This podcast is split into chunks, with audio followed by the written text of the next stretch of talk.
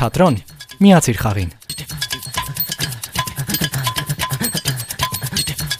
18 թվականից սկսյալ մենք ունենք թատերականացված ընթերցանություններ, որը շատ պատահաբար շատ Իրականում թատերականացված ընթերցանության ժանրում հիմնականում դերասանները ստատիկ կարդում են նստած, էքսպերիմենտալ նոր իրավիճակ է իրականում։ Ցույց ենք տալիս հանդիսատեսին դերասանի աշխատանքի ինչ որ հատված, որովհետև ցանկացած Առաջին անգամ էի գտնվում այս ֆորմատի ներկայացմանը, կարծիքս բավականին լավն էր։ Ողջույն, ես Արմինեն եմ, մասնագիտությամբ թատերագետ։ Հա, իդեպ, եթե մտածեցիր, տեսնես ինչով է զբաղվում թատերագետը եւ պատասխան չգտար, մի անհանգստացիր, որովհետեւ թատրոնի մարդիկ էլ դա չգիտեն։ Ինչևէ, անցնեմ առաջ եւ ասեմ, թե ինչի մասին է լինելու ոդքասթը։ Մի անգամ դասախոսներիցս մեկը թատրոնը համեմատեց ամբուժելի հիվանդության հետ։ Վարակվեցիր եւ վերջ։ Ու քանի որ ես 10 տարուց ավելի է վարակված եմ, մտածեցի, ինչու ոչ, կարող եմ քեզ էլ վարակել։ Ասեմ, սա լավ հիվանդություն է։ Այնպես որ ես քեզ կպատմեմ թատերական էքսպերիմենտների, ժամանակակից մոտեցումների, բացօթյա թատերական հարթակների, պրեմիերաների մասին եւ ոչ միայն։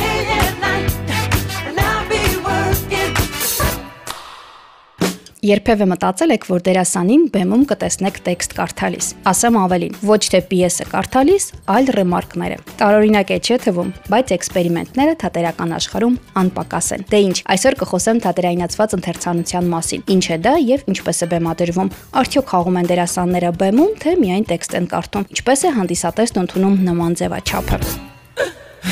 Ինչ է թատերայնացված ընթերցանությունը։ Դա ինքնատիպ ներկայացում է, որտեղ չկան դեկորացիաներ, երաժշտական եւ լուսային ձևավորում, միզանսցեն, կա միայն դերասանը, տեքստը եւ ձեր երևակայությունը։ Դուք ինքներդ կարող եք պատկերացնել, թե ինչպես կբեմադրեիք, ինչպես կմեկնաբանեիք կերպարը եւ նրա արարքները ու մի խոսքով, դուք ինքներդ ձեր մտքում հնարավորություն եք ունենում բեմադրելու։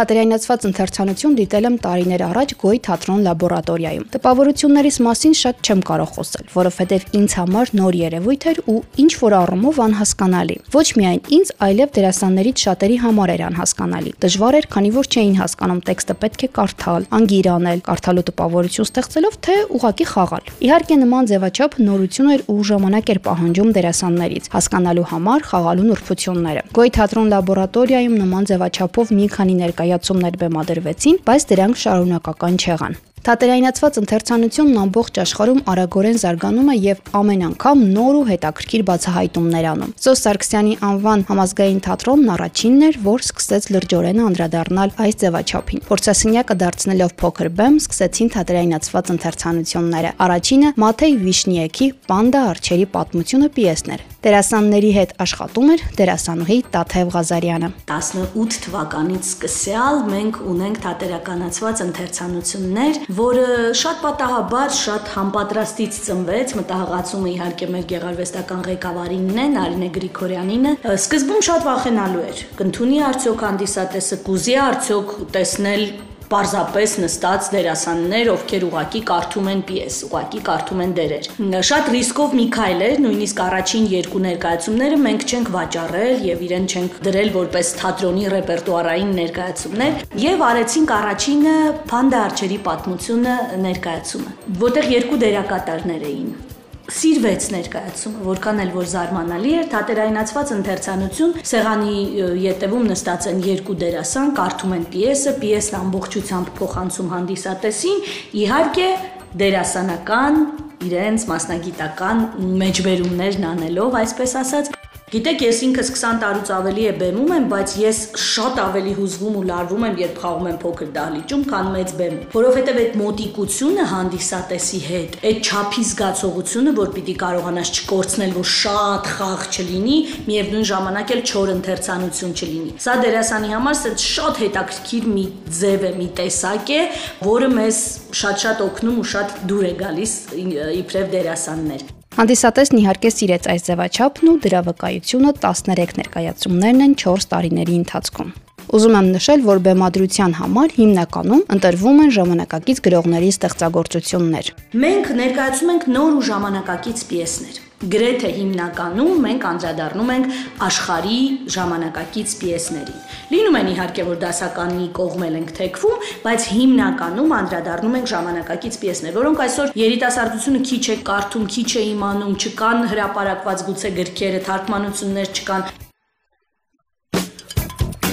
Ամերիկացի գրող Իսրայել Հորովիցի ռեմարկները հետաքրքիր դրամատուրգիական էքսպերիմենտ է։ Պիեսում երկխոսություններ չկան։ Փոխարենը կերպարները խոսում են ռեմարկներով, որը սովորաբար գրվում է բեմադրողի համար։ Այս պիեսի բեմադրության ժամանակ դերասանների հետ աշխատել են դերասանուհի Նարինե Գրիգորյանը եւ Դավիթ Խալաթյանը։ Սա Իսրայել Հորոպիցի ռեմարկները պիեսն է, որը Նարինե Գրիգորյանն առաջարկել որ միասին անենք, ինքը դասախոսն է, ու երբ որ կարդացի պիեսը, իսկապես շատ յուրահատուկ պիես է, թատերային էքսպերիմենտ է, որտեղ դերասանների տեքստերը միայն ու միայն ռեմարկներն են, որը հիմնականում դրամատուրգը տալիս է ռեժիսորին ու դերասաններին որպես հուշում, բայց ըստ դեպքում դերասանների տեքստն էլ է հենց որպես ռեմարկներ։ Տեսեք, իրականում թատերայնացված ընթերցանության ժանրում հիմնականում դերասանները ստատիկ կարդում են նստած, բայց այս այն պիեսն է, որ չկարողացանք ուղակի կարդալ, որովհետև եթե գործողություններն էլ հետը հավասար զուգահեռանում էինք, ստացվում է ինչ որ ասում է ինքը անում է նույնը։ Եթե նկատեցիք, ես չեմ ասում ներկայացումների ռեժիսորը, այլ դերասանների հետ աշխատեցին։ Սա պատահական չէ, որովհետև այստեղ բեմադրելու գրեթե ոչինչ չկա։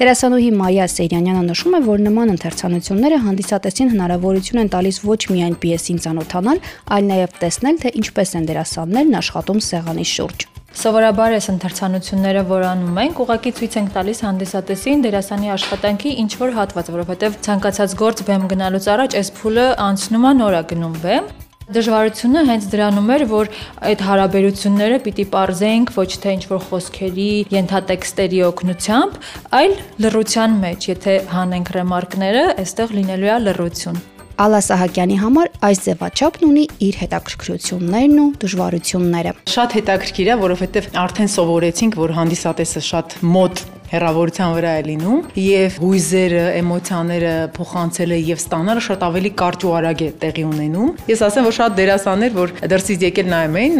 շատ մեծ ցանկություն առաջացավ իրանց մոտ նույն ձևով փորձարկմանը մասնակցելու, որովհետեւ էքսպերիմենտալ նոր իրավիճակ է իրականում։ Բոլոր ներկայացումներից հետո քննարկումներ են լինում։ Հանդիսատեսն իր կարծիքն է ասում, առաջարկություններ անում, որոնք չեն անտեսվում։ Մենտալիտետի հարցեր կար, իմ կարծիքով, չէ։ Այո, այո։ Ես համաձայն չեմ, որ մենտալիտետի հարց կա։ Ես համոզված եմ, որ նույնքան տիպիկա նաև Հայաստանի համար։ Հա, սա տիպիկա, տիպիկա ամերիկյան չի։ Այդքան օրենքների իմաստով այդքան է տիպիկ չի դու այդ։ Ուրեմն սա հերական ընտանիքի պատմություն։ Դեստեղ հերական դե ամեն դե ամեն ինչը այնտեղ հрьяաների մոտ եւ մեր մոտ գրեթե դե տարբերություն։ Դե դե հрьяաներն են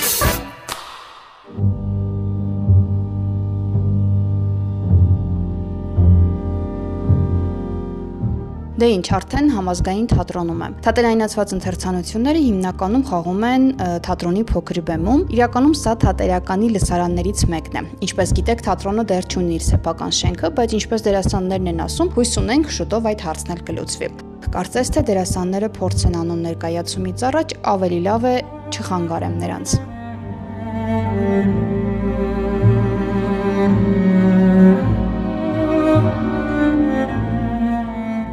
Դե ինչ, ճիշտ ժամանակն է լսել ներկայացումից մի փոքր հատված։ Այո, լսել, որովհետև մենք ռադիոյի եթերում ենք։ Փակիր աչքերդ ու պատկերացրու քեզ թատրոնում։ Ռիչարդը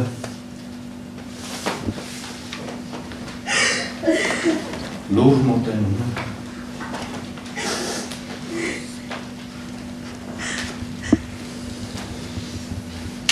Վերջում մեր կոշիկներն ու սև շոկման բական գուլպանները։ նշում վասկաթորը կենտրոնում իր քույրերի վերակումների վրա եւ սկսում է հակնել նախ քուլպաները հետո կոշիկները Ռուսը նրան է նայում արդեն ուղիղ կեցվածքով։ Ռոբին նկատում է հատակին ընկած լաթի կտորը։ Եվ իր ոտքի բթամատով այս ու այն կողմ տանելով տրորում է հետքը։ Շարունակելով կապել կոշիկները, Ռիչարդը նայում է թե Ռուբին ինչպես է ոտի Ոտքի բթամատով տրորում հետը։ Նա նրան կշտամբող հայացքով է նայում։ Ռոբին տեսնում է նրա կշտամբանքը եւ դադարեցնում տրորելը։ Ընթակարակը նա կրանում է եւ հետքը իր մատներով տրորելով այն մտցնում է իր բերանը։ Եվ լիզում, ռուտ խեղդվում է։ Ռիչարդը զզված։ Նա արագ-արագ կապում վերջացնում է կոշիկները։ Վերեկենում եւ արագ հագնում իր։ Ռուտը մի քանի է դնում եւ կանգնացնում։ Ռոբին շրջվում է ու բացի բաց նայում քեչափ։